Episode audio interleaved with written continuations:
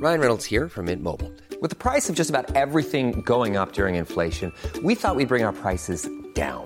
So to help us, we brought in a reverse auctioneer, which is apparently a thing.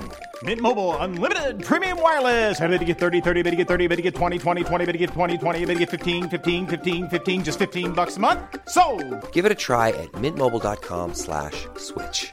$45 upfront for three months plus taxes and fees. Promo rate for new customers for limited time. Unlimited more than 40 gigabytes per month. Slows. Full terms at mintmobile.com. Hi, I'm Daniel, founder of Pretty Litter. Did you know cats tend to hide symptoms of sickness and pain? I learned this the hard way after losing my cat, Gingy. So I created Pretty Litter, a health monitoring litter that helps detect early signs of illness by changing colors, saving you money and potentially your cat's life. Pretty Litter is veterinarian developed, and it's the easiest way to keep tabs on your fur baby's health right at home. Go to prettylitter.com and use code ACAST for 20% off your first order and a free cat toy. Terms and conditions apply. See site for details.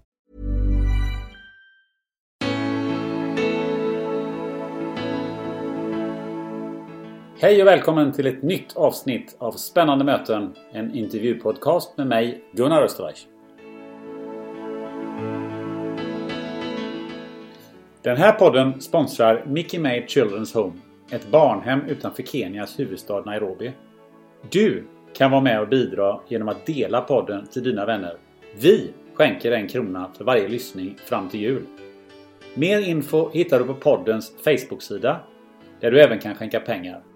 Tack för att du hjälper till!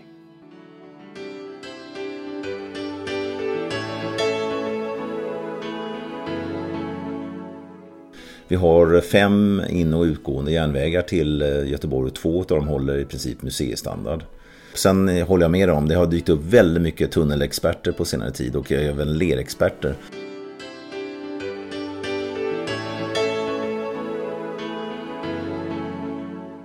Varför ska Göteborg bli en miljonstad? Är det inte bättre att behålla den där goda känslan att nästan alla känner alla? Och vad ska vi med Västlänken till? Är det inte bara ett förfärligt slöseri med pengar? Johan Trové ger här sin syn på hur Göteborg bör utvecklas och vilka som i framtiden ska vara överst på listan över kända göteborgare. För allvarligt talat, PG Gyllenhammar och Glenn Hysén i all ära, men visst finns det några fler att lyfta fram. Här kommer han, en av Göteborgs mest inflytelserika personer. Johan Trové, VD på Västsvenska Handelskammaren. Välkommen till podden Spännande möte. Tack! Bra namn. Visst är det? Ja. Eh, Jag tänkte att vi eh, börjar med lite spänning ute på vägarna. För du eh, har ju med dig en liten eh, grej hit till podden som vi kan börja med att prata om. Vad är det för någonting? Du, jag tog med mig, eh, jag tänkte man får ju ta något som är hyfsat enkelt att bära med sig. Så då jag tog en handske med mig. Och det är en högerhandsken, det är gashandtaget, det är högerhandsken till motorcykeln som jag tog med mig. Ja, och vad, vart åker du helst med den? Den eh, tar jag eh, när vädret tillåter så åker jag ut på landsbygden här i Västergötland. Och det finns inget vackrare än att eh, komma ut på små smala vägar och susa fram. Det är en, det är en känsla som är ganska nära carving-teknik när man åker skidor. Passar ju rätt bra eftersom du är VD på Västsvenska Handelskammaren och, och du tittar till kranskommunerna. Ja, men det, det är så. Det, och sen så gör jag så att när jag kommer fram till en korsning och så står det Djurhalla. Där har jag inte varit tänker jag. Då åker jag dit. Mm. Spännande. Ja. Från motorcykelkörning eh, till eh, det vi ska prata om idag. Eh, du brukar ju hänvisa ibland till en undersökning om eh, Göteborgs kända namn. Och då brukar namn som Glenn Hysén, Lasse Kroner, Sonja Hedenbratt och Per G Gyllenhammar eh, ligga i topp. Eh, och då undrar jag, alltså Per G Gyllenhammar han var VD på Volvo för eh, typ 30 år sedan. Sonja Hedenbratt eh, är avliden. Eh, Lasse Kroner visas inte jättemycket i rutan och Glenn Hysén hade sin storhetstid för eh, cirka 25-30 år sedan. Vad känner du när du ser den listan? Den listan den gjorde vi faktiskt eh, för, ja det var väl ett par år sedan nu, sju, åtta år sedan. Men det, det var bland tusen svenskar utanför Väst, Västsverige så var det de personer som dök upp i toppen. Ehm, och vad, vad det gäller kända göteborgare och det säger ju lite, tycker jag, lite tyvärr, att vi är alldeles för dåliga på att lyfta fram duktiga och bra människor i vår region. Vilka, vilka borde vara på den listan just nu tycker du? Oj, det skulle kunna vara någon inom musikbranschen. Miriam Bryant till exempel. Ehm, det skulle kunna vara någon inom idrottsbranschen. Eh, gärna inom näringslivet. Någon ung person. Palle Stenberg från Nudi till exempel. Ja, det finns många personer som jag hellre hade varit där, eh, sett på den 10 topplistan än de du räknade upp. Hur, hur ändrar vi det? Nej, det är bara vi måste hjälpas åt. Vi måste vara bättre på att lyfta fram duktiga människor. Duktiga entreprenörer. Människor som gör bra insatser för eh, samhället. Det tycker jag är viktigt. Eh, vad tror du om, om tio år? Vad, vad hoppas du eh, finns på listan då? Någon bra eh, entreprenör som har startat ett företag som kanske har eh, hjälpt någonting i världen. Eh, det kan ju finnas, jag vet några stycken som är på gång nu och det kanske är så att de växer och är framgångsrika företag. Det hade jag gärna sett, gärna kvinnor. Jag hade också sett någon inom idrottsvärlden som hade kommit likt Carolina Klüft eller liknande och slagit idrottsvärlden med häpnad. Det hade varit spännande. Vad, vad kan ni på Västsvenska Handelskammaren göra för att eh, förändra den listan? Ja, vi kan ju sprida kunskap om duktiga människor, framförallt inom näringslivet från vår sida. Och det försöker vi göra så mycket som möjligt. Vi, vi har ägnat oss ganska mycket åt storytelling om duktiga företagare som startar företag eller som driver företag. Och alla har en jättespännande historia att berätta. Och den historien berättar vi gärna på olika sätt. Vad, för att komma in på det här med Västsvenska Handelskammaren. Kan du bara ge kort ge en beskrivning på vad är det för organisation? Ja, en organisation som bildades för eh, väldigt länge sedan, 1661. Eh, vi är en näringslivsorganisation som eh, ska se till att göra den här regionen starkare tillsammans med våra medlemsföretag. Och när jag säger regionen så är det Västra Götaland och norra Halland. Det är 51 kommuner. Vi är en medlemsbaserad organisation men vi drivs som ett företag så vi växer hela tiden. Och vi sysslar med politisk påverkan och eh, försöker stärka ledarskapet i de västsvenska företagen. Så det är medlemmarna som betalar eh, eran, era utgifter?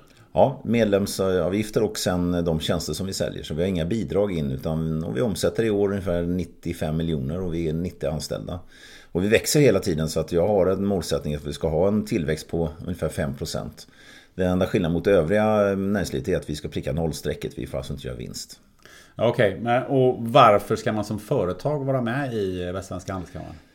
Ja, jag brukar likna med Sjöräddningssällskapet. Alltså, dels så stödjer man en verksamhet eh, som gör någonting bra. Det vill säga vi jobbar för dagligen, vi är 90 anställda som jobbar för att göra den här regionen så bra som möjligt. Att både leva, bo och verka i.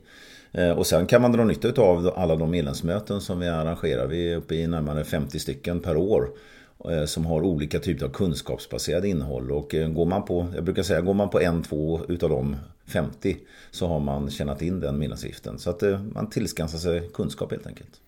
Eh, du som VD då, vad känner du, vilka är de främsta uppgifterna du har? Ja, för min del är det ju att eh, dels vara frontfiguren och sedan är det ju att leda och fördela arbetet i en ganska, ja, en växande organisation.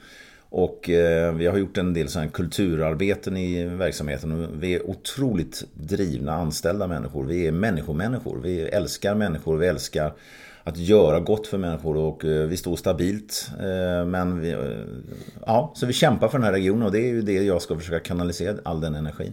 Men du som, som VD, har du, några, har du några frågor som du eh, känner att de här är en av de viktigaste frågorna att driva här i Göteborg eh, nu och framöver?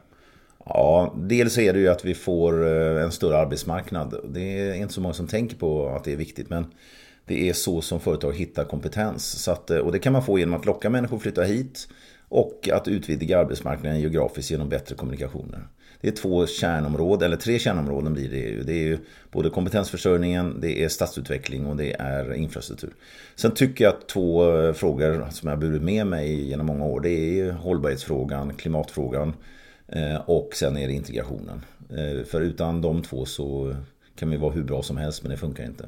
Jag kan tänka mig det i den positionen som du har som eh, VD för Västsvenska Handelskammaren. Eh, det är en tämligen utsatt eh, position. Hur, hur känner du? Är det, får du? är det många som vill många olika saker och får du mycket kritik för, för det du säger och gör? Eh, inte mycket kritik men jag får ju röster som, som höjs där man inte tycker som vi. Och det brukar väldigt ofta vara kopplat till Västlänken. Övriga frågor får jag inte så mycket kritik för men där tycks det nu väcka mycket känslor. Framförallt bland män över 70. De, de är pigga på att höra av sig. Män över 70, varför då? Ja, det är faktiskt intressant. Men det är de som kontaktar mig och som tycker att jag borde skämmas eller att jag ska ändra uppfattning. Det är män över 70. Och eh, det är väl ofta så att de, eh, de sitter hemma och funderar på eh, saker och ting i samhället. De är väl oftast också ganska samhällsengagerade och så har de egna tankar och idéer. Och vad det gäller just Västlänken så har det fötts en mängd myter och, och, som har spritt sig. Och det här oroar väldigt många människor och jag tror att Eh, kvinnor, när de passerar 70 så förverkligar de sig genom helt andra saker. Nya hobbys, eh, vänner och bekanta, barnbarn, resor. Medan eh, männen, de verkar liksom sitta hemma och ringa P1 eller skriva debattsidinsändare till GP. Ja, det ser man. Vi ska komma in på det här lite grann med, med Västlänken om en liten stund. Men om vi fortsätter lite grann, lite grann dig som, som VD då på Västsvenska Handelskammaren. Eh, vad är största skillnaden nu jämfört med du när du tillträdde. Det är ju ändå, du har ändå varit här nästan tio år nu va? Ja, det stämmer. Eh, dels så är ju, har Göteborg klivit upp och blivit eh, dragloket i svenska konjunkturen. Eh, för tio år sedan så hade vi en lågkonjunktur, vi hade en fordonskris, vi hade en finanskris. Eh, nu går det som bara den. Nu rullar allting på, det är arbetslösheten i princip borta eh, och det går fantastiskt bra. Det är ju en stor skillnad. Sen har organisationen Handelskammaren, vi har fördubblat vår verksamhet så att vi, vi har fördubblat omsättningen, fördubblat antal anställda. Så det är ju en helt annan sak att eh, leda och fördela arbetet för en verksamhet som är 90 anställda kontra 45. Vad är du, vad är du mest nöjd med? Eh, det som tänker på Handelskammaren som sådan men också det ni faktiskt har gjort i Göteborg på de här tio åren. Ja, jag är jättenöjd med att vi har eh, påverkat politiken på, ett, på det sätt som vi vill göra. Så vi har påverkat ett antal politiska beslut som har blivit så som våran... Har du några exempel där? Ja, det är alltid svårt att fronta några, men jag har, jag har ett väldigt tydligt exempel och det är utbyggnaden av E20 till fyrfältsväg. Den hade inte blivit av det beslutet om inte det var för Handelskammaren. Och eh, det är jag väldigt stolt över att vi då jobbar för en, en, den här regionens utveckling. Eh, det finns andra tillkomst av utbildningar, eh, lärlingssystemet, eh, att vi entusiasmerar fler ungdomar inom matematik och så vidare. Det finns många sådana att vara glad och stolt över. Härligt. Ehm, jag tänkte att vi i dagens avsnitt då ska uppehålla oss kring ett antal frågor just kring Göteborg och, Göteborgs eh, framtid. För det händer ju väldigt mycket i stan just nu. Det byggs väldigt mycket och jag tror att det är ingen som har, eh, är, är omedveten vid, eh, kring det. I alla fall om man bor eh, och verkar i och kring Göteborg. Jag tänkte att vi, innan vi gör så tänkte jag uppehålla med lite kring eh, din bakgrund. Ja, född och uppvuxen fram till 14 års ålder i Stockholm, i Täby. En villasamhälle norr om eh, Stockholm. Och sedan flyttade familjen ner till Ljungskile när jag var 14 år. Därför min pappa eh, fick ett jobb i Uddevalla och eh, då följde hela familjen med. Hur, eh, hur var det att tillbringa tonåren i ett ställe som Ljungskile? Det var fantastiskt. Eh, nu efteråt så reflekterar jag över att det var märkligt att inte det, den flytten påverkade mig mer från Stockholm till lilla Ljungskile. Men dels så började jag umgås med några som var något år äldre än vad jag var och de hade bil. Och eh, sen så ägnade jag väldigt mycket tid åt eh, idrott, åt, framförallt åt volleyboll. Och sen gick jag på en, som dagelev på en internatskola. Men var du i skolan? Var du äh, klassens äh, Eh, talesperson eller eh, höll du dig i bakgrunden eh, när du var i den åldern?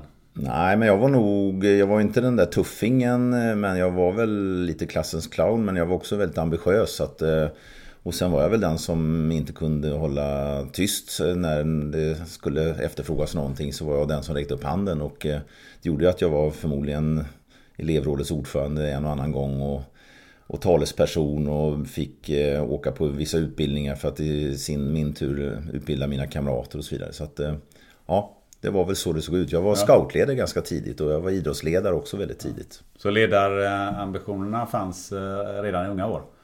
Ja, utan att jag egentligen liksom hade någon plan med det utan det, var, det, det bara blev så. Och militärtjänsten hade också en ledande befattning? Ja, det stämmer. Jag gick ju den, den längsta utbildningen som kompanibefäl hette det på den tiden, 15 månader uppe i Arvidsjaur och sen valde jag att bli reservofficer och då, det var ju väldigt mycket ledarskap.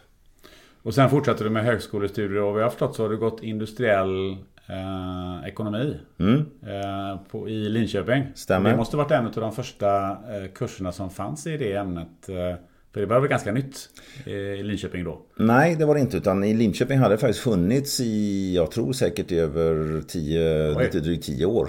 10-15 år till och med. Jag tror de började början på 70-talet och jag började 83. Eh, men det var första året man hade den på Chalmers också. Och då tyckte jag att det var bättre att gå där de hade en viss rutin på det än att... Eh, ja, sen kom jag nog inte in på Chalmers heller. Sen var du en kort period i eh, Los Angeles. Ja, det stämmer. Vad gjorde du där? Ja, jag halkade in på ett bananskal eh, så att jag fick eh, efter jag hade arbetat i några år eh, i Göteborg så fick jag möjligheten att jobba för Sveriges tekniska attachéer i Los Angeles. och det innebar ett uppdrag att bevaka allt som hände inom transport kopplat till miljöområdet i hela Nordamerika. Med säte då i Los Angeles. Och det mycket hände i USA inom det här området och vår uppgift var att ja, så att säga, spana och rapportera hem till svenska myndigheter och de som eh, vill ha specialuppdrag. Har du varit tillbaka någonting där sen eh, den tiden? Ja, jag har faktiskt varit tillbaka med min familj en gång och tittat på där man bodde. Och jag, har, jag umgås fortfarande med en, en kamrat som jag lärde känna där som numera har flyttat till San Francisco. Hur, um, hur såg du på förändringar? Fanns det några stora skillnader jämfört med när du var där första gången? Ja, den största skillnaden är ju att helt plötsligt börjar man satsa på kollektivtrafik. Eh, det visste man inte vad det hette när jag var där på början på 90-talet. Ehm, och sen kan man konstatera att eh, trafiken har bara utvecklats och även de miljöproblem som det medför sig, för med sig. Och eh, dessutom trängsel. Jag fick lära mig någonting att om det är kö på en tvåfilig motorväg, bygger inte ut den till trefilig. Det hjälper inte utan eh, det fyller bara på ännu snabbare. Så att eh, det var några sådana här saker jag tog med mig därifrån. Eh, sen var du miljöchef på Schenker under 90-talet bland annat. För du har ju varit inom transport och logistikbranschen egentligen hela, hela ditt liv. Hur, hur var det att vara miljöchef på 90-talet på Schenker? Nej men det var, det var bra. Eh, det var ju liksom eh, Det var en fråga som var väldigt starkt uppseglande och de flesta företag utav större karaktär hade ju miljöchefer på den tiden. Eh, och jag engagerade mig väldigt mycket i det så att jag var faktiskt ordförande för en, en organisation som heter Näringslivets miljöchefer som, som höll samman en 300 utav näringslivets miljöchefer för att utbyta tankar och erfarenheter. Eh, det var, det var en viktig fråga. Sen kan man säga att utanför Sveriges gränser så var den ju ganska sval och jag hade ett globalt ansvar. Och eh, Schenk är ju ett tyskt företag och i Tyskland så var det bara jurister som jobbade med miljöfrågor. Det var tillståndsärenden som gällde på den tiden. Och sen gjorde du en sväng som terminalchef ehm, på Schenker. Ja, det hette nog distriktschef eh, och det var att jag var ansvarig för eh, Göteborgsregionen för Schenkers landtransporter. Och eh, hjärtat i den verksamheten är en stor godsterminal som ligger norr om eh, Göteborg. Det känns som att det, om man ser det utifrån så känns det som att du har tagit från en stabstjänst på Schenkes Schenker så gick du ner och körde och jobbade i terminal. Det känns som en, en intressant eh, liten sväng där innan du eh, plötsligt blir VD på eh, Västsvenska Handelskammaren. Men det kanske känns eh, som en naturlig eh, utveckling?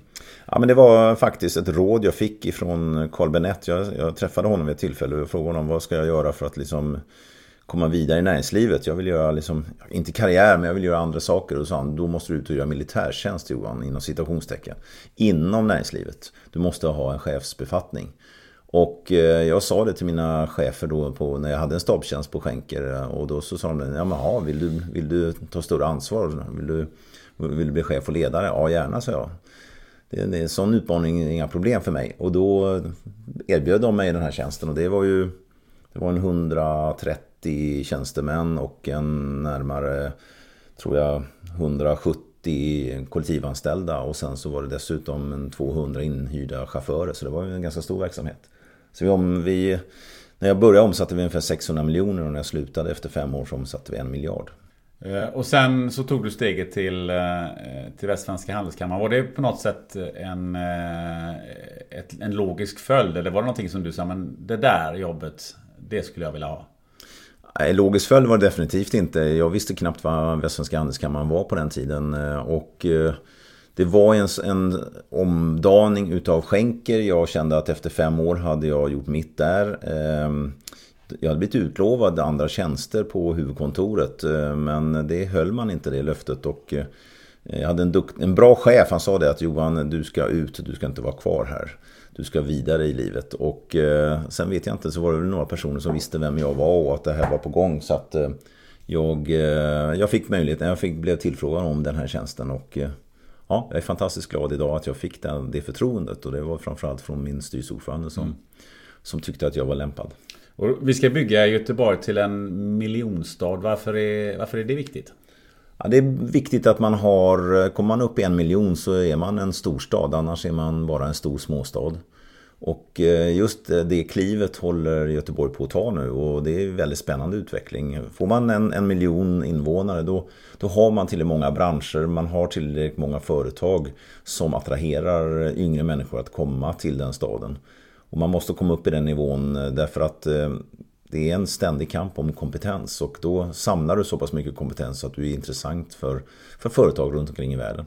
Men är det inte många som tycker att, eh, ja men eh, vore det inte ganska bra, Göteborg är väl ganska lagom stort sådär. Det hade varit gött och inte bli så jättemånga fler, då blir det så opersonligt och, och sådär. Finns det inte en del människor som eh, resonerar på det sättet? Eller vad, vad, skulle du vilja säga till dem? Jo det gör det säkert och det, det sa man säkert 1970 också och 1920 tyckte man säkert att det var helt okej okay att så som Göteborg var då. Och även kanske 1697 tyckte man också att det var okej okay, så som Göteborg var. Men eh, alltså en stad som växer det kan vi inte hindra utan eh, till de som är oroade över det då kan jag säga att det, tyvärr tiden är över när, när Göteborg var en, en eh, stor småstad. Och eh, tiden är över när man kunde heja på var och varannan människa på Avenyn och vi inte hade någon trängsel vad det gäller framkomlighet med, med bil i staden. Men vi håller på att växa och bli en storstad och den utvecklingen går inte att hindra och därför så måste vi anamma den istället och det ska vi göra på ett Göteborgssätt. Och vad är ett Göteborgssätt? Ja, vi ska utveckla staden eh, så intressant som möjligt. Och vi ska inte planka rätt av vad andra har gjort. Men däremot kan vi få goda idéer från andra städer som växer i våran storlek. Och eh, göra någonting bra som är just Göteborgskt utav det. Du säger också att eh, vi ska bete oss som att vi redan vore en miljonstad. Vad, hur ser det beteendet ut? Nej men det är som en idrottskvinna eller idrottsman. Eh, de, de, eh, de har ju sett ett mindset innan de ska slå världsrekord. Att de ska slå just världsrekord. Och det kan ju börja 5-10 år innan de gör det. Och det tycker jag är viktigt att vi i Göteborg faktiskt tänker in att vi håller på att bli en miljonstad. För om vi har den förståelsen då, då, eh, då, accepterar vi att man bygger, eh, att det finns grävskopor, att det är kranar, det är lastbilar. Att man kan köra, få köra en omväg med sin bil, att det byggs hus på höjden, att broar blir nya, att eh, järnvägen byggs ut. Då har man en större förståelse för den utvecklingen och det tror jag det skulle gynna göteborgarna att liksom anamma det. Än att klamra sig fast och säga vi ska vara som vi alltid har varit. Hur utvecklas Göteborg som storstadsregion jämfört med eh, Malmö och Stockholm tycker du? Ja, just nu så har vi ju en starkare tillväxt än både Malmö och Stockholm och det visar sig också i att eh, vi har starkt konjunkturläge, vi har lägre arbetslöshet, eh, vi har ett byggindex som är betydligt högre än de andra städerna. Och det i sin tur lyfter konjunkturen ytterligare. Det skapar arbetstillfällen och det skapar också intresse. Vi märker ju att internationella företag, både investmentföretag och till exempel byggföretag eh, ser ju detta och kommer till Göteborg och skapar i sin tur ännu mer positivt. Så det här är liksom, vi är inne i en positiv spiral. Men kranskommunerna har ju ganska stor betydelse också för, eh, för Göteborg. Jag vet att du har en intressant eh, karta eh, som vi faktiskt ska se om vi inte kan få eh, visa för lyssnarna. Där eh, den ena kartan visar hur det ser ut på natten, var folk befinner sig och en eh, karta visar hur det ser ut på, på dagen. Och det är ganska stor skillnad eh, på de två. För det krävs rätt mycket inpendling för att vi ska få Göteborg till att, till att fungera eh, under dagen. Ja, det pendlar in ungefär 100 000 människor till Göteborg eh, dagligen för att förse de göteborgska företagen med kompetens. Så att eh, kranskommunerna är oerhört viktiga. Och vi ser ju att den här regionen som jag då tidigare pratade om, arbetsmarknaden. den är relativt liten. Så att, eh, faktum är faktiskt att eh, Göteborg har en mindre arbetsmarknad än vad Malmö har. Och anledningen är att vi har så dåliga kommunikationer in och utifrån Göteborg. Eh, så att till exempel så ingår inte Borås i samma arbetsmarknad, inte ens Uddevalla. Och på de avstånden så gör motsvarande städer det i, i till exempel Skåne. Varför är det så? Har vi inte satsat tillräckligt mycket eller har vi inte fått eh, tillräckligt med eh, ekonomiskt eh, understöd för att, för att göra de satsningarna? Nej, på de senaste 40 åren kan man säga så har vi vuxit ganska lite vad det gäller arbetsmarknaden geografiskt och det beror på att vi inte har satsat på järnvägsutbyggnaden. Vi har fem in och utgående järnvägar till Göteborg och två av dem håller i princip museistandard. Eh, de som åkt Anten-Gräfsnäs förstår vad jag menar för att den järnvägen håller en hastighet som ligger närmare Boråsbanans eh, hastighet och Bohusbanans hastighet än normala tåg. Har vi varit för dåliga på att få slå näven i bordet i Stockholm och säga att eh, nu får ni fan satsa lite grann här på Västsverige också? Absolut, ja men så är det och vi har, vi har faktiskt varit direkt urusla. Och eh, det var ju för väl att vi fick Banaväg i väst eh, utbyggd, alltså järnvägen till Trollhättan. Annars var den också en lika medioker järnväg. Och sen har vi kapacitetsproblem på Västra stambanan och vi har enkelspår ner på eh, Västkustbanan. Så att det här är Sveriges andra stad som faktiskt lever i en tid som inte är jämförbar med modern infrastruktur. Och det, måste vi, det är det som vi måste kämpa för och berätta för omvärlden. Och folk häpnar när de får höra att det är så illa. Eh, I det förra avsnittet eh, utav eh, podden så hade vi Donny Ligonis som är affärsutvecklingscoach på KTH Innovation med här. Och han har varit i Palo Alto under ett år och bland annat studerat utveckling kring självkörande bilar.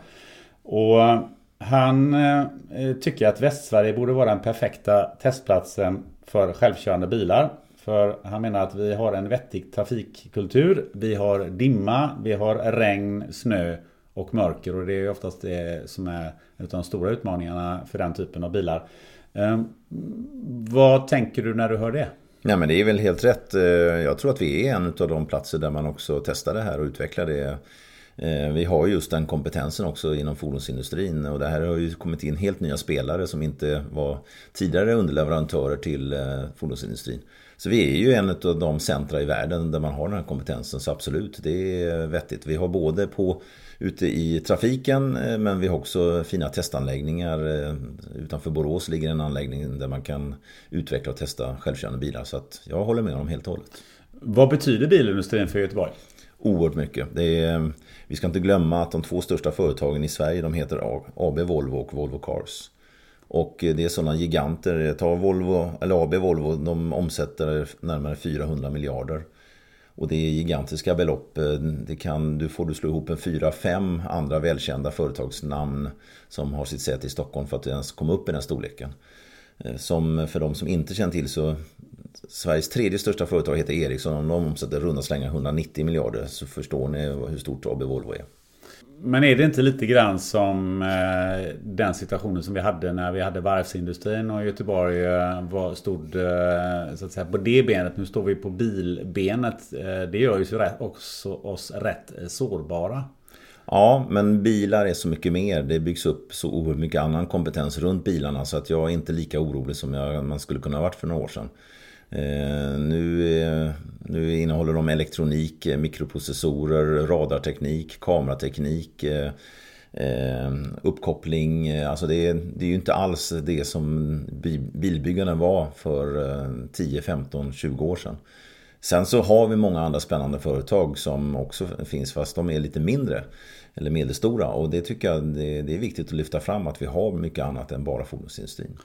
Ehm, ska vi utveckla fordonsindustrin ytterligare i Göteborg? Ska, det, ska vi bli världsledande på fordonsindustri i Göteborg? Eller vad, vad tror du? Jag skulle vilja säga att vi faktiskt är det redan. Vi är en världsledande. Vi märker att fler och fler företag som tittar på var de ska etablera verksamhet för att utveckla bilar. De, de tittar på att Göteborg är ett av de ställen dit man definitivt ska undersöka möjligheterna. Och vi har ju det kinesiska SEFT som eh, inte fanns här för fyra år sedan. Och idag är de 2500 anställda och har utvecklat den senaste bilmodellen i världen som heter Lincoln Co. Eh, så att med, de, de är ett bevis på att vi redan är världsledande.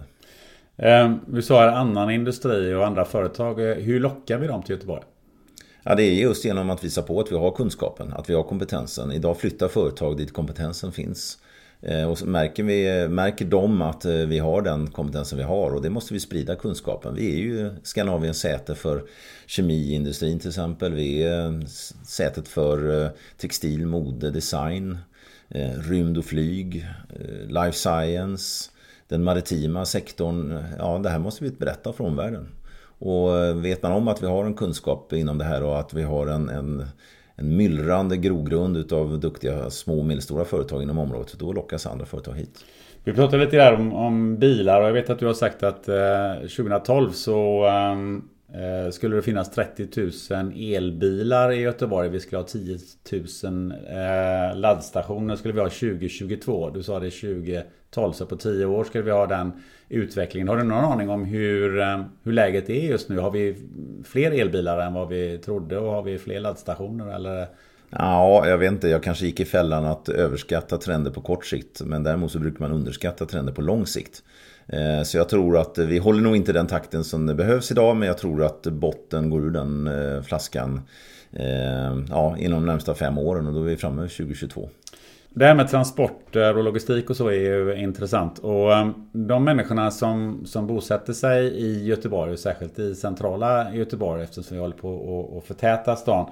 De ehm, kanske inte tar bilen och åker ut till något eh, köpcenter utanför Göteborg och handlar. Utan de gör precis som väldigt många andra redan gör idag. Nämligen handlar ehm, via webbshoppar och e-handel. Och det skapar ju en förfärlig massa eh, transporter för varje litet paket kommer från kanske från, från olika håll och från olika leverantörer och olika eh, distributörer. Hur, hur löser vi det i en förtätad stad?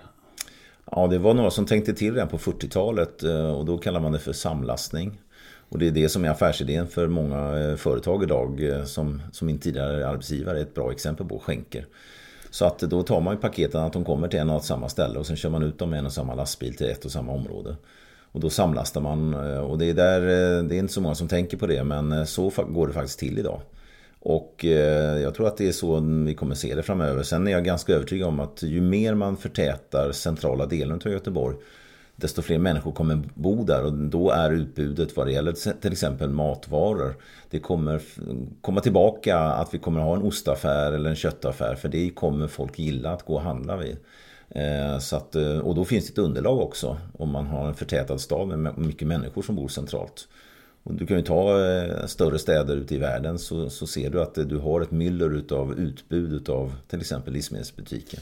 Men det måste ändå krävas en, eh, en, ett nytt sätt att tänka när det gäller att distribuera mindre paket i, i städer. Därför att det kommer ju till nya aktörer. Det är inte bara skänker som, som kör ut grejer eller Postnord. Utan det kommer till rätt många nya aktörer som eh, sköter distributionen utav eh, en massa produkter man beställer eh, på nätet. Och ofta så beställer man dem på olika ställen och de har olika eh, företag som kör ut dem. Det skapar ju rätt mycket trafik inne i städerna. Hur, hur löser man det? Ja, men jag tror ändå man, då får man samlasta bland samlastarna i så fall. Då får DHL och Postnord och Schenker och några andra aktörer slå sig ihop. För det kommer vara ohållbart att eh, köra större lastbilar. Sen tror jag mer på att det kommer komma någon typ av system där man skiftar eh, i någon typ av behållare som man kan flytta över till till exempel en mindre eldrivet fordon eller varför inte en cykel faktiskt. Det finns ju redan idag och det tycker jag ser spännande ut. Ja, du var inne på det här med cykel. Ehm, eh, cykeln i storstan, hur och var får den plats? Ja, den måste ju få plats och vi ser också att det, cykeln har sin naturliga plats i, i större städer. Där inte bilen är det, det givna valet och eh, det måste Göteborg hänga med och utveckla möjligheten att cykla i, i stan. Och för alla som har besökt Köpenhamn så tror jag ni förstår vad jag menar. Eh, och det här börjar också breda ut sig i andra städer som normalt inte varit cykelstäder. Eh, vi har Paris, eh, vi har eh, New York, Manhattan, vi har London. Där det helt enkelt är mycket smidigare och bättre och framförallt nu med eldrivna cyklar så, så har det här fått en helt annat perspektiv. Man har ju diskuterat till och med cykelmotorvägar eh, bland annat mellan Lund och eh, Malmö och det är väl också någonting som man kanske ska fundera på här för att ta sig från eh, från Lerum eller från något andra kranskommuner in till Göteborg med cykel är ändå ganska krångligt än så länge och det går inte speciellt fort. Och det beror inte bara på att man inte kan trampa tillräckligt fort. Nej, det är helt rätt. Sen har vi kanske inte helt och hållet väderleken med oss. Eh, men eh, jag tror definitivt att det kommer utvecklas någon typ av eh, bra cykelmotorvägar, cykelbanor. Jag var senast i Stockholm här nu i förra veckan och jag såg där någonting som jag inte sett alls i Göteborg och det är eldrivna sparkcyklar eller sparkskotrar ska man kalla det för. Och de var ju, de, man fick ju se upp på trottoarerna på Kungsgatan och Birger för de kom i en stridström. Så jag, jag, jag, är inte orolig, det här kommer eh, marknaden lösa och tekniken kommer utvecklas. Och sen, sen har vi drönarna som ett nytt exempel. Jag menar, kan en drönare lyfta en pizzakartong så kan den ju snart lyfta dig och mig också Gunnar. ja, vi får se, vi får jobba på det. Um... Sen har vi ju den här ehm, eh, omtalade tågtunneln under Göteborg som vi ju inte kan undvika att eh, prata om, nämligen Västlänken. Ehm, varför ska vi ha den? Den eh, skapar möjligheter att vi kan bygga ut de här eh, museijärnvägarna som jag tidigare pratade om runt eh, Göteborg, de fem ekrarna. Och för att vi ska kunna få upp en, en kvartstrafik på samtliga av de banorna så måste navet ha en kapacitet som kan ta emot all den trafiken. Och det har vi inte idag med den säckstation som vi har och därför så måste man ha en genomgående trafik. Och genomgående trafik skapar i sin tur också färre byten och då får välja fler kollektivtrafik och då avlastar vi vägnätet.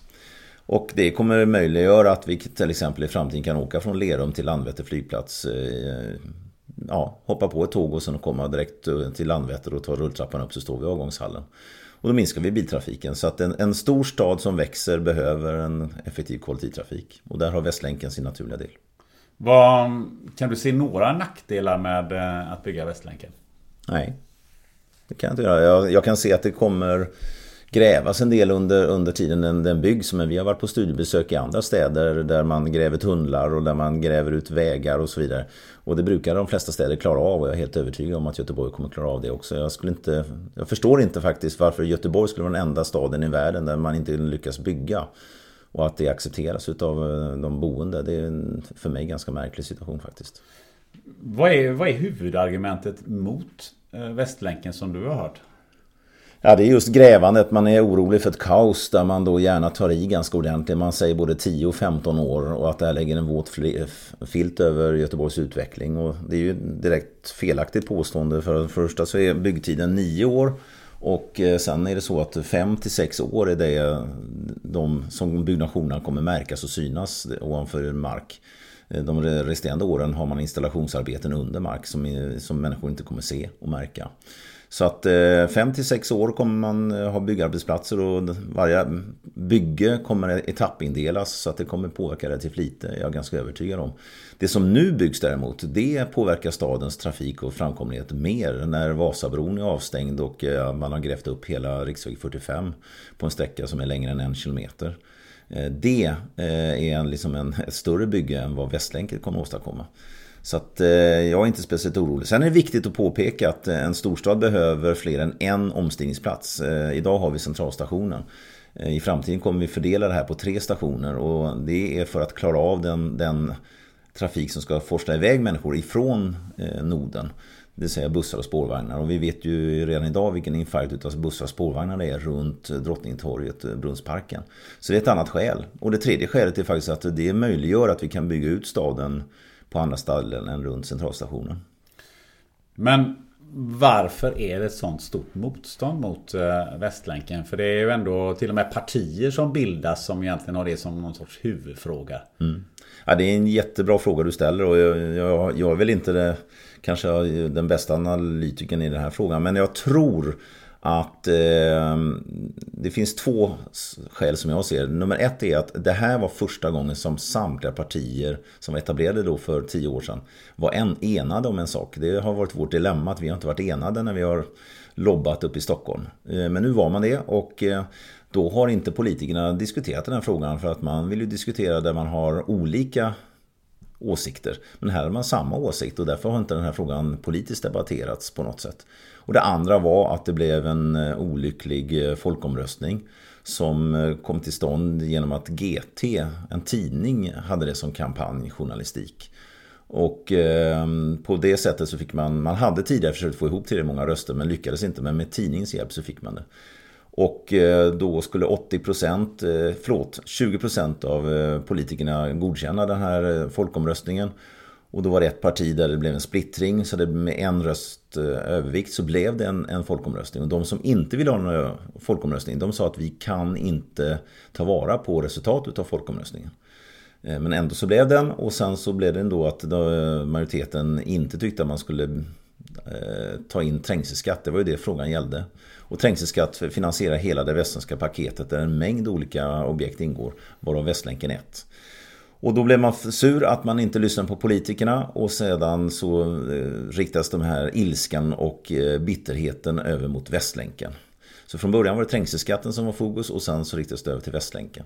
Som fick bli någon symbol för både att man inte lyssnar på medborgarna och sen att eh, rent allmänt Göteborg har haft mycket krångel inom politiken och felaktiga beslut och så vidare. Det blev alltså ett missnöjesmonument eh, som eh, kanaliseras via Västlänken. För det är ju ganska märkligt för nu är ju argumenten som jag har hört i alla fall väldigt mycket att ja, men det går inte att bygga i den här leran och Eh, det går inte att göra det ena eller andra eller det är, eh, är, är farligt eller hus kommer att rasa och, och mycket sådana här byggnadstekniska saker. Och då börjar man ju lite, lite fundersam på att så många människor ehm, så snabbt kan ta till sig den typen av information och, och, och eh, dessutom då eh, komma med lite olika rekommendationer och, och, och, och farhågor vad som ska hända. Mm. Ehm, det, det tyder ju lite på också kanske att ni har varit lite dåliga på att informera.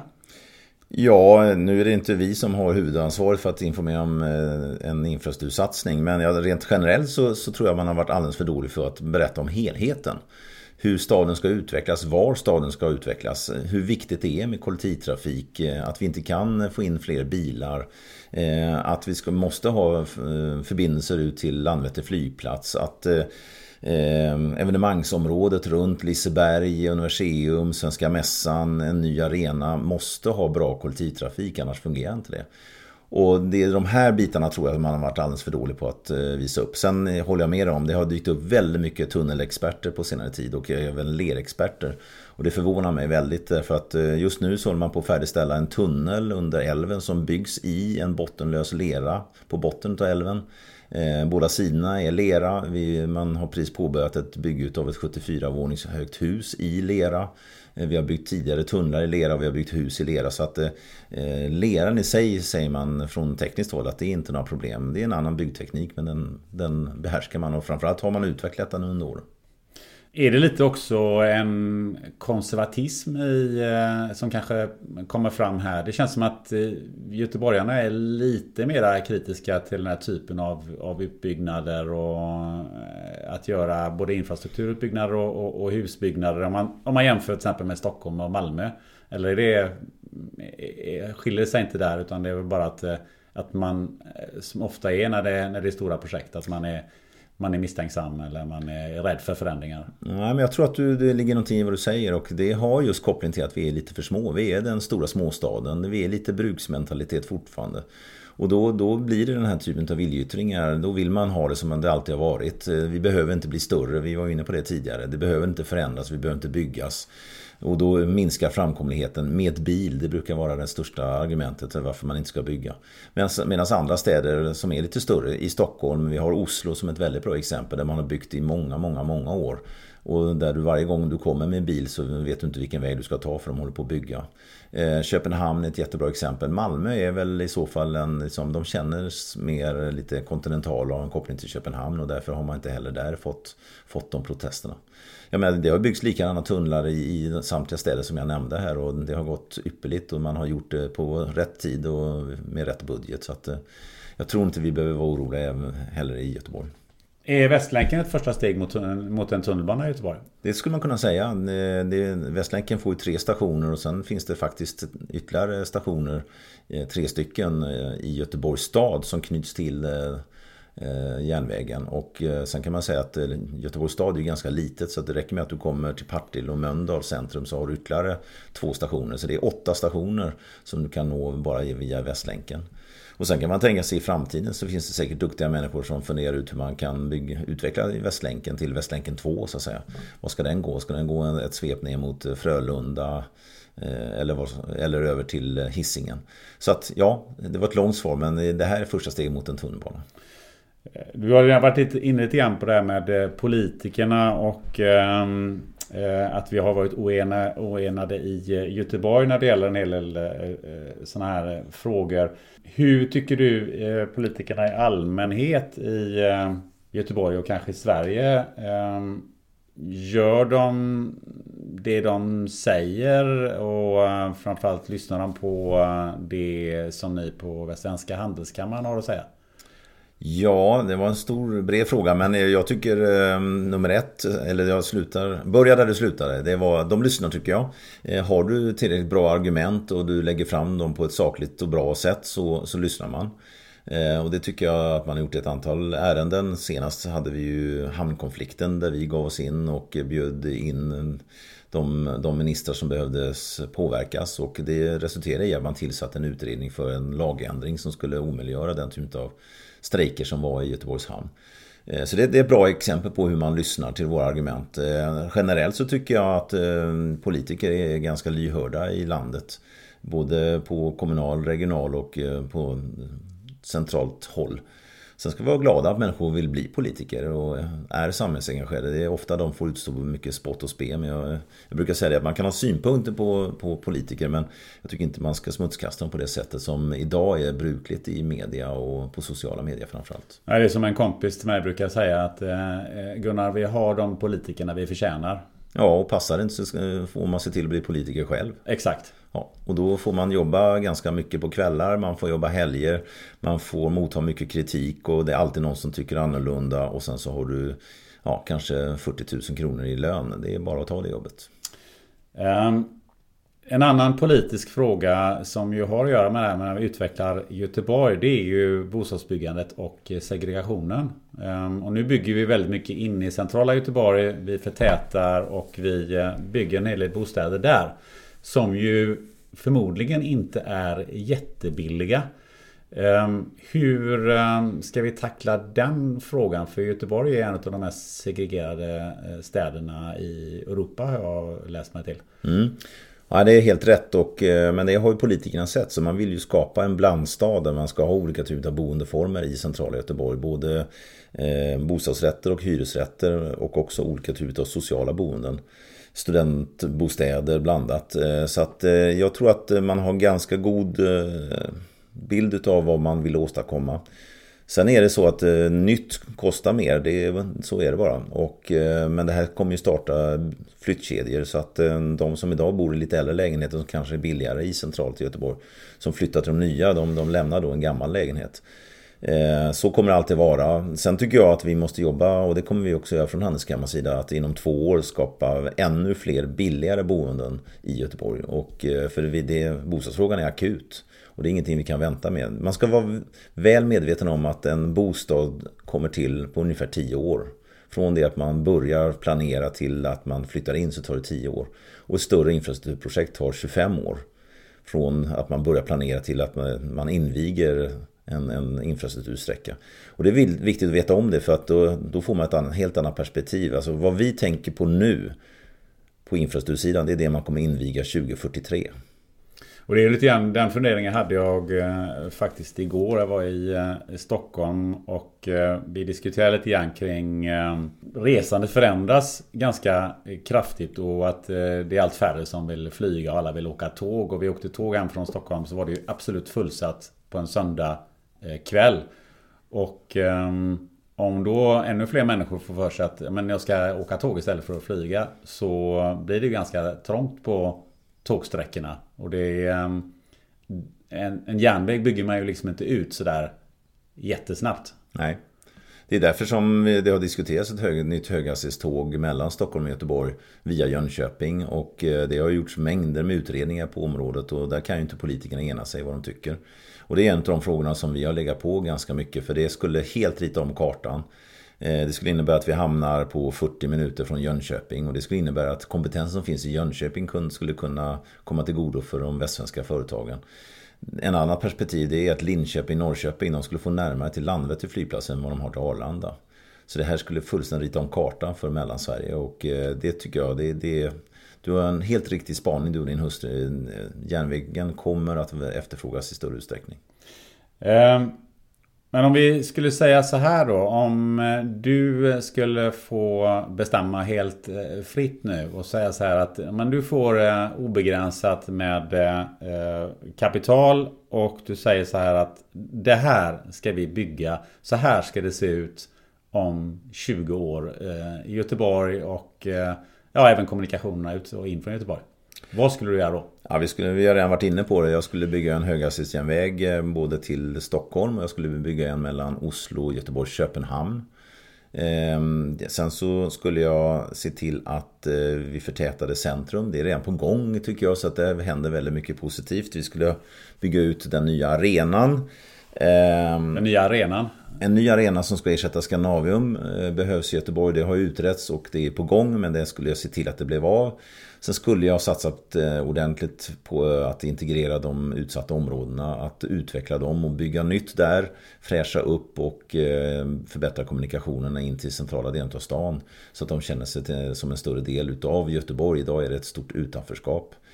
Och det i sin tur skulle skapa arbetstillfällen för jag tror att det som behövs det är att varje familj har minst en person som är i arbete. Och så är det inte idag och du har ett stort utanförskap och vi måste börja med de unga. Ehm, och hjälpa till i skolorna till exempel. Att eh, skolorna rustas upp och att det är bra skolmiljö, bra lärare. Eh, att man har en stolthet för att gå på de här skolorna och det, det tycker jag det är en oerhört viktig del. Klimatsmart ska allting givetvis vara men det, det förutsätter jag. Ehm, vi har varit inne, du säger det här med ehm, eh, unga och ungdomar. Jag tänkte att vi kunde avrunda med att eh, eh, säga så här att ehm, om du har en ung person som är färdigutbildad och ska välja plats att bo på. Om den personen bor i Sverige eller utanför Sverige spelar egentligen ingen roll. Vad, vad skulle du säga att flytta till Göteborg för då får du det här? Ja, då får du en, vara med om en stad som är under en väldigt spännande utvecklingsresa. Du kommer få ta del av den och du kommer ha ett brett utbud av många företag och kompetenser.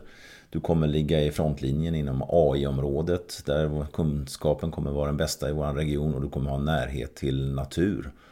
Eh, på ett sätt, hav och natur som inte många kan erbjuda på samma sätt. Vi har Bohuslän som är unikt i världen. Eh, vi har en ren natur, vi har ren luft, vi har en hög säkerhet och det är grönt här. Det skulle jag nog säga till de flesta. Skiljer vi oss mycket där från Malmö och Stockholm? Eller vad är det unika med Göteborg? Ja, Bohuslän är väldigt unikt och det skiljer väldigt mycket. Det har man inte närheten av i vare sig Malmö eller Stockholm.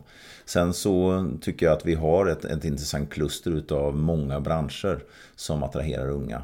Och framförallt har vi en utvecklingstakt som är unik och det brukar ungdomar vilja gilla och vill vara en del utav. Och som jag sa, AI-området är ju jättespännande med allt vad det har att innebära. Och det, det tror jag att det kommer locka många människor att, att få ta del av det och utvecklas inom AI, artificiell intelligens. Är vi bäst i Sverige på det? Vi är nog på väg att bli bäst eh, därför att det integreras i så många olika typer av produkter och tjänster som vi erbjuder här. Och eh, regeringen har ju satt upp ett AI-center som ska mm, utveckla AI-området i Sverige och det ligger i Göteborg, Lindholmen. Och där kommer man satsa 100 miljoner per år i 10 år och det kommer bidra till en mängd positiva delar.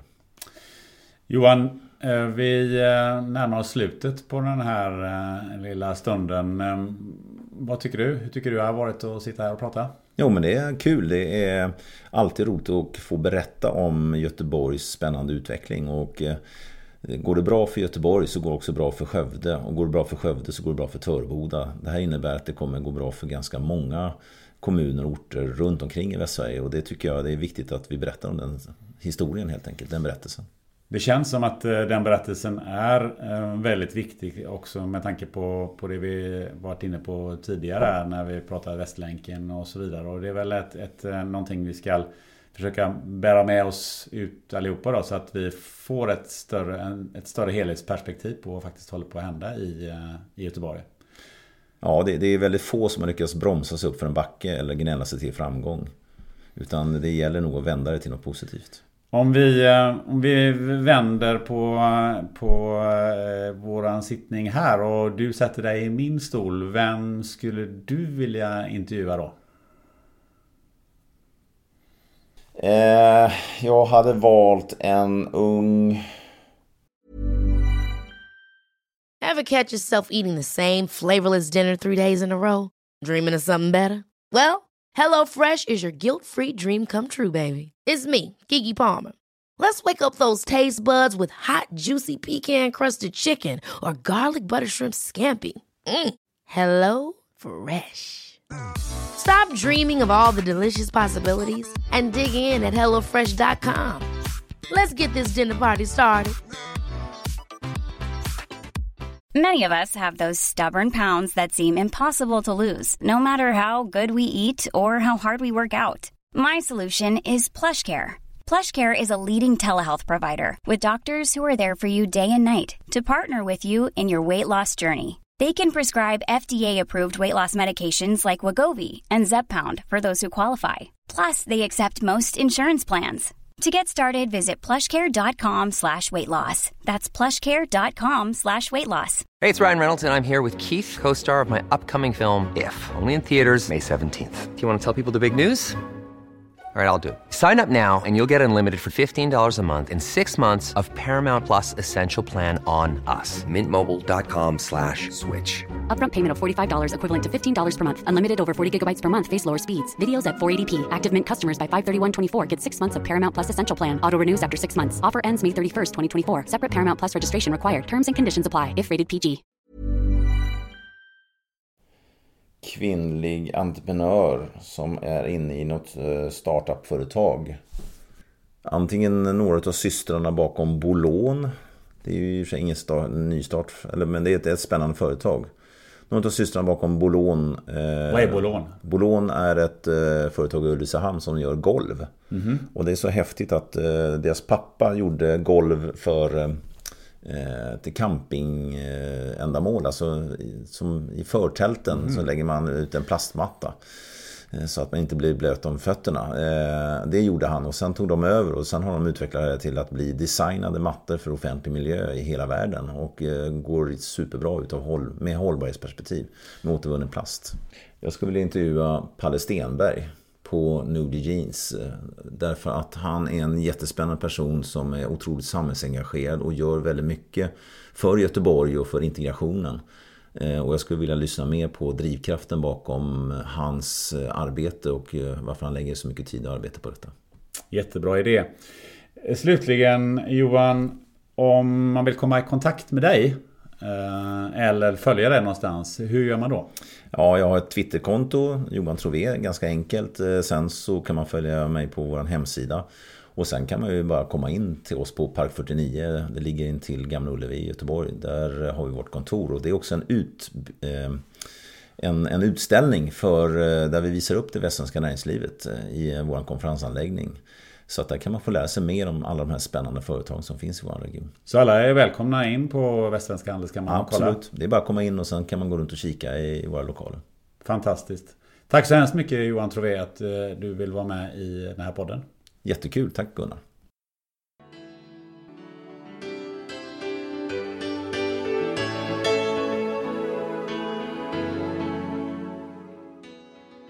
Spännande möten finns på Facebook. På Instagram heter vi Spännande Moten. Och på LinkedIn och Twitter så söker du helt enkelt på mig, Gunnar Österreich. Och du, betygsätt gärna podden i iTunes också. Torsdagen den 20 december, lagom sådär strax innan jul, då blir det åka av. Så jag, det är nog inte så många konkurrenter som gillar att ha mig i backspegeln. Var jag helt inställd på att det skulle bli svart. Ja, att jag skulle dö. Helt enkelt. Och det är ofta dyrare att eh, köpa lättare eh, prylar till bilen än att banta ner sig själv lite grann. Racerstjärnan Rickard Göransson gästar podden och vi kommer att snacka om hur det är att vara född i ett garage. När han redan som tioåring rodde hem sitt första sponsorkontrakt och att Svensson kör alldeles för fort när det är blött ute. Det blir också ett besök i det gröna helvetet. Hörs om en vecka, ha det gött och var rädda om varandra.